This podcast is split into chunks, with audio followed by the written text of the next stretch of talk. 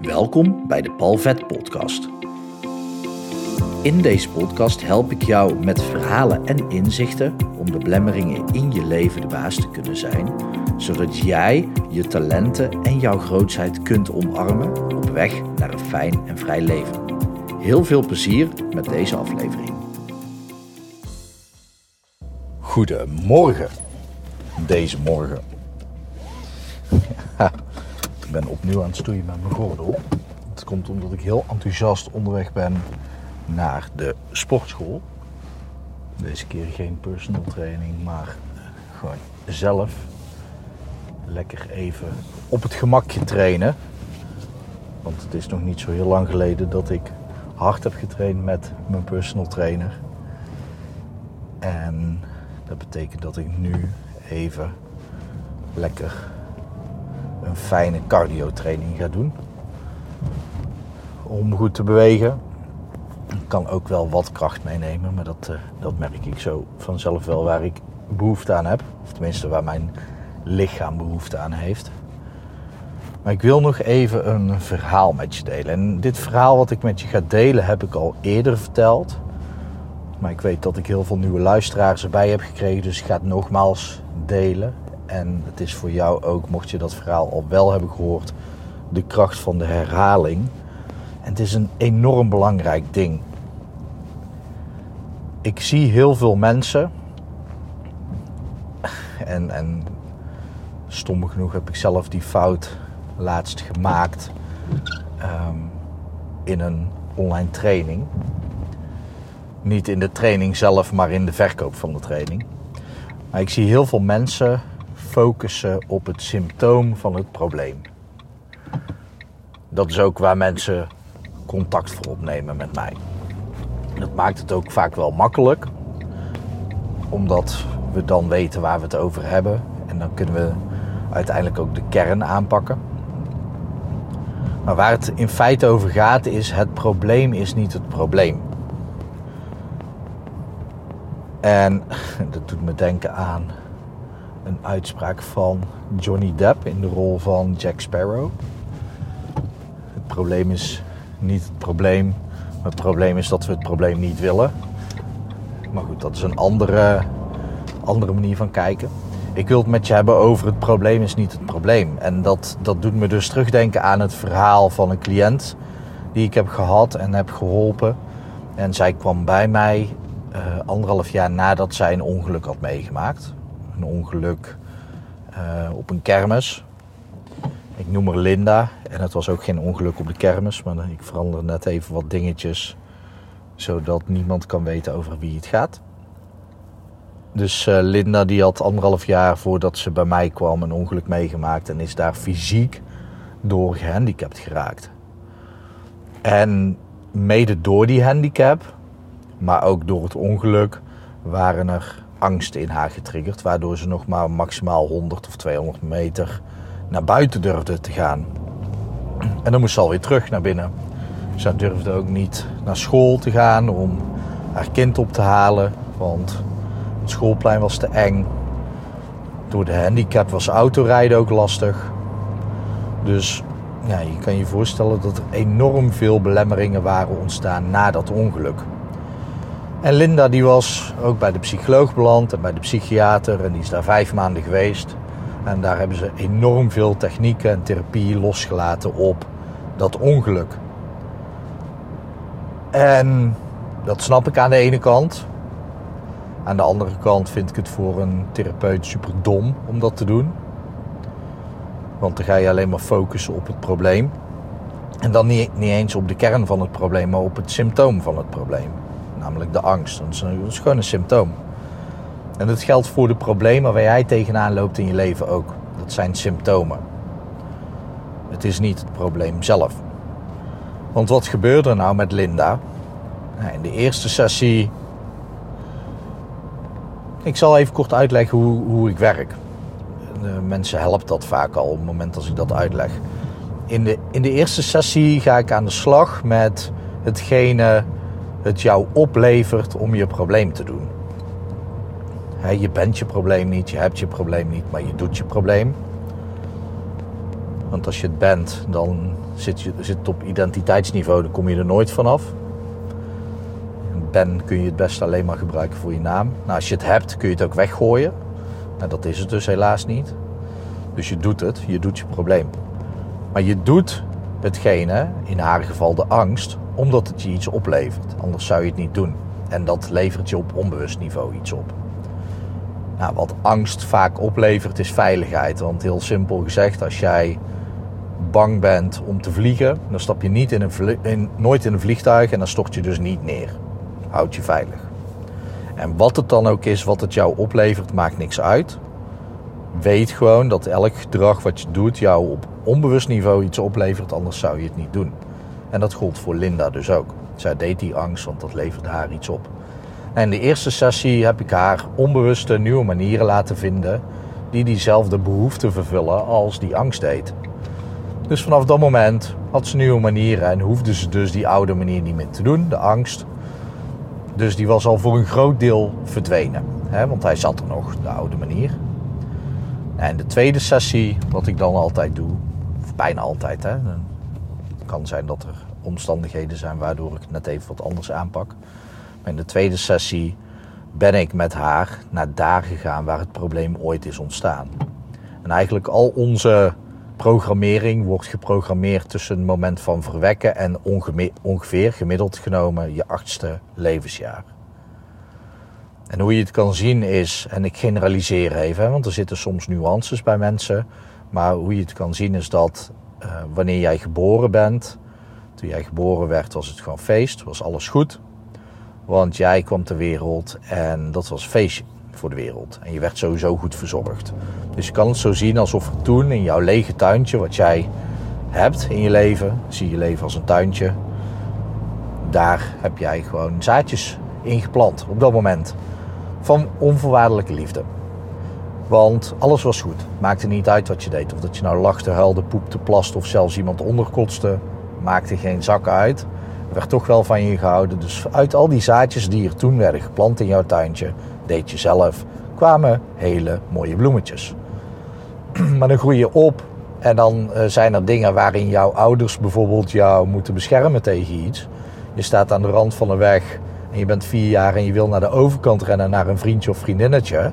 En jouw ouders houden je gewoon tegen op een directe, krachtige manier, omdat er een auto aankomt. Maar voor jou als vierjarige is jouw hele wereldbeeld opeens: hé, hey, ik word tegengehouden om naar mijn vriendje of vriendinnetje te gaan. En voor een vierjarige vergaat dan de wereld. En dat kan een zaadje zijn waar geen bloemetje uitkomt. Daar komt onkruid uit. En ouders kunnen niet anders. Hè? zo gebeuren er allerlei dingen vanaf het moment van verwekking tot ongeveer gemiddeld genomen je achtste levensjaar. Waardoor alle zaadjes in je leven zijn geplant. Zaadjes waar bloemetjes uit zijn gekomen en zaadjes waar onkruid uit is gekomen. Nou, in de eerste sessie hebben we al onkruid gewied. In de tweede sessie hebben we de rest van het onkruid teruggevolgd naar daar waar het is ontstaan en hebben we het met wortelen en al eruit getrokken. Zo ook bij Linda dus. Ze kwamen uit op een situatie van toen ze één was volgens mij. En, ehm, en ze mocht niet op een klimrek. En dat voor een kind van één is dat natuurlijk gewoon, ja, dan vergaat de wereld. Ik mix even wat uh, verhalen van cliënten, um, zodat het echt gewoon niet teruggeleid kan worden. Maar zo is het ongeveer dus gegaan. En nou dat was top. Dus het zaadje was weg en de angst was verdwenen. Ik doe altijd een derde sessie nog om ervoor te zorgen dat het ook beklijft. Het doel van de derde sessie is meestal bij mij om te focussen op je toekomst, om dat in te vullen. Dus die leegte die in je tuintje is ontstaan, die gaan we invullen. Hè, de cliënt doet dat zelf, maar onder mijn begeleiding. Zodat op het moment als dat ingevuld is, dan hoef je ook niet meer bezig te zijn met het verleden. Ja, super relaxed is dat. Dus in de derde sessie uh, gingen we een beetje naar de toekomst kijken.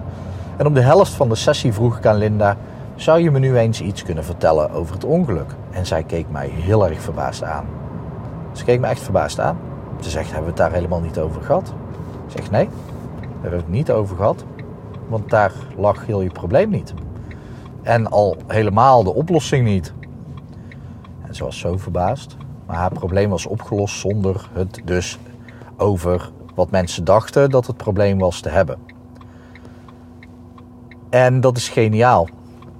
En heel logisch om te doen. En het is ook heel logisch dat mensen vergeten om dat op die manier te doen. Dus jij ook, als jij naar jouw probleem kijkt, dan kan het zomaar eens zijn dat jij je focust op het symptoom. Maar feitelijk is jouw probleem het obstakel wat jou belemmert om van punt A naar punt B te komen. Want je bent nu op punt A, je wil naar punt B en je denkt dat het symptoom het obstakel is, maar dat is het niet. Het probleem is het daadwerkelijk obstakel. In het geval van angst gaat dat over meer vertrouwen hebben in jezelf. Meer vertrouwen hebben op dat alles wat er in je leven gebeurt, dat jij dat aan kunt. En als je dat vertrouwen dus mist, dan is dat het probleem. En dat heeft helemaal niks met een ongeluk te maken wat je een keer op een kermis hebt meegemaakt. Dat is een regenbui geweest die ervoor heeft gezorgd dat het onkruid wat groeit in jouw tuintje, dat dat in één keer jouw bloemetjes is gaan overwoekeren. En dat geldt dus voor al jouw problemen ook. Dat die problemen die zijn ontstaan door regenbuien en het probleem is het topje van het onkruid wat jouw bloemetjes overwoekert. Uh, maar het probleem zit helemaal in de wortel daar beneden en niet wat jij denkt, die vertakkingen uh, van het onkruid. Want daar focus je je op. Dus ga voor jezelf eens na. Als je denkt van oké, ik ben nu hier en ik wil daar naartoe. Wat belemmert je dan? Wat belemmert je dan echt? En het probleem is dus nooit het symptoom. Dus angst is eigenlijk niet het probleem. Dat is meer het gebrek aan vertrouwen in jezelf. Wat dan automatisch het probleem is. En ik sla hem even plat. Hè. Ik zeg niet dat dat bij elke angst uh, dat dat het probleem is. Maar dat kun je gewoon heel goed bij jezelf onderzoeken.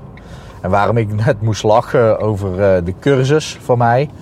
Um, ik heb vorige week een hele helpende online cursus gelanceerd. Met daarbij ook een hele goede actie. Dat die echt goedkoop, uh, dat je hem goedkoop kon aanschaffen. En het levert je zoveel op. Ja, het nadeel was dat ik mensen wees op het symptoom. En nee, dat zeg ik verkeerd. Ik moet even. Ik kan ook geen twee dingen tegelijk. Misschien moet ik voortaan niet in de, in de auto mijn podcast opnemen. Um, dan is het ook nog. Het is druk op de sportschool. Terwijl het gewoon. Wat is het? Woensdagochtend is. Ja. En. Uh, moet ook kijken of dat ik hier mag staan te zitten. Opeens zijn er buiten op parkeerplaatsen allemaal tekeningen van sportlijnen en zo. Nou, interessant. Maar ik had dus een training gebouwd op, um, ja, op wat het echte probleem is. Een verslaving aan je telefoon. Maar ja, dat willen mensen helemaal niet horen. Want die denken dat het probleem heel erg anders ligt. Die denken dat het probleem is geen tijd hebben. Of het probleem is um, dat ze zichzelf niet goed genoeg voelen. En ja, dat kan je dus gewoon oplossen met minder op, met je telefoon bezig te zijn. Maar ja, dat is veel te recht toe, recht aan. En dat werkt dan niet. Het gaat gewoon niet werken voor mensen om dat op die manier in hun gezicht te stoppen. Dus ik heb daar echt een grote fout in gemaakt. Nou ja, groot. Hè? De training is gewoon te weinig verkocht.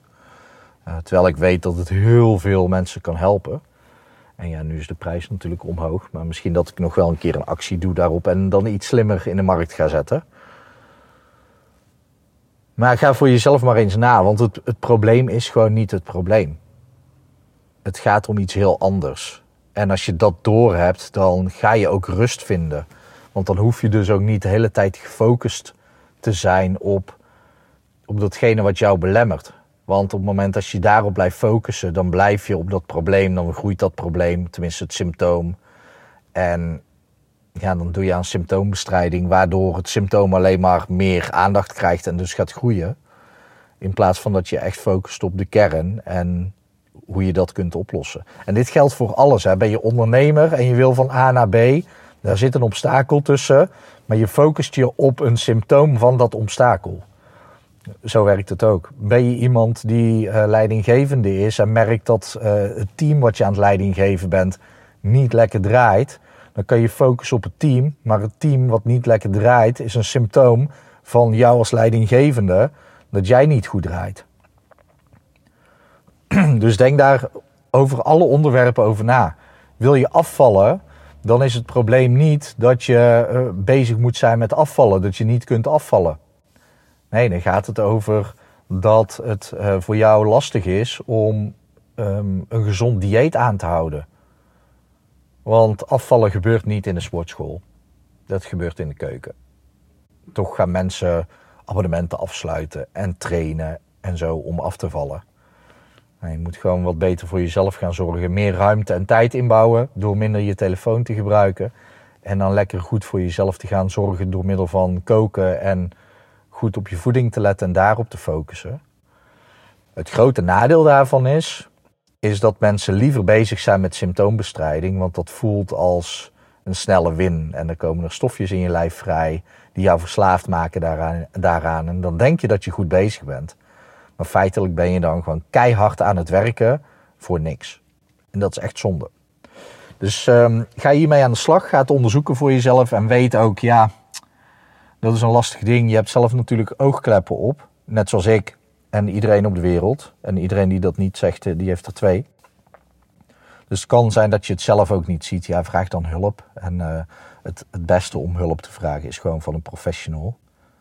Want mensen in jouw omgeving die zullen je als het goed is niet kunnen helpen met jouw probleem.